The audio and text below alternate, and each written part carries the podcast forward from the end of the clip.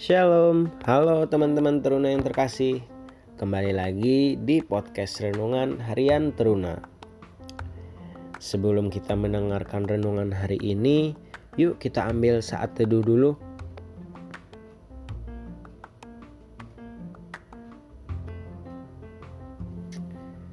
Tema renungan kita hari ini Lakukanlah kebaikan seperti kehendaknya Teman-teman teruna bisa jeda dulu podcast ini untuk membaca Alkitab yang terambil dari Markus pasal yang ketiga ayat yang pertama hingga ayat yang keenam.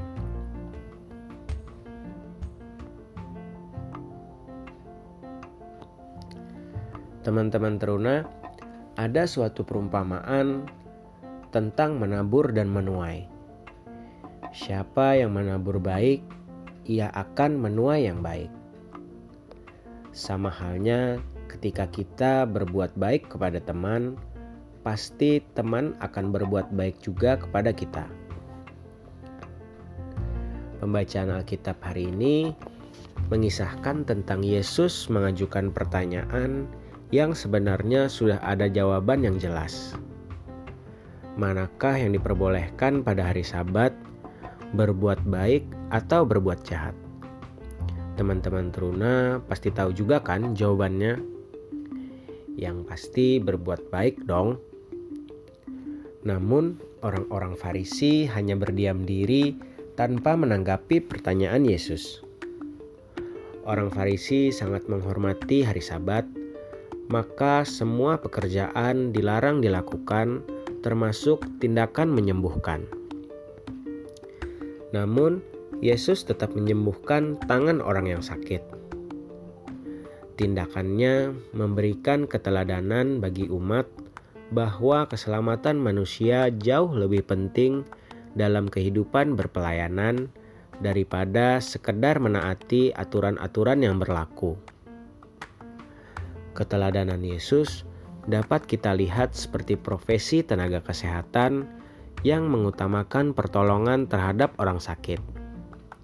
Dalam keadaan apa pun, mereka tetap memberikan pertolongan, bahkan dalam kondisi situasi pandemi saat ini, mereka tetap terus bekerja agar pandemi ini segera berakhir.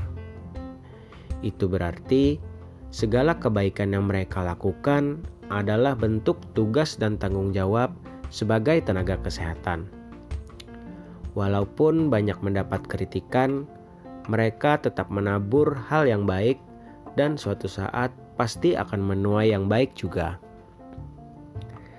Teman-teman teruna, setiap kebaikan yang kita lakukan tidak selalu berjalan mulus.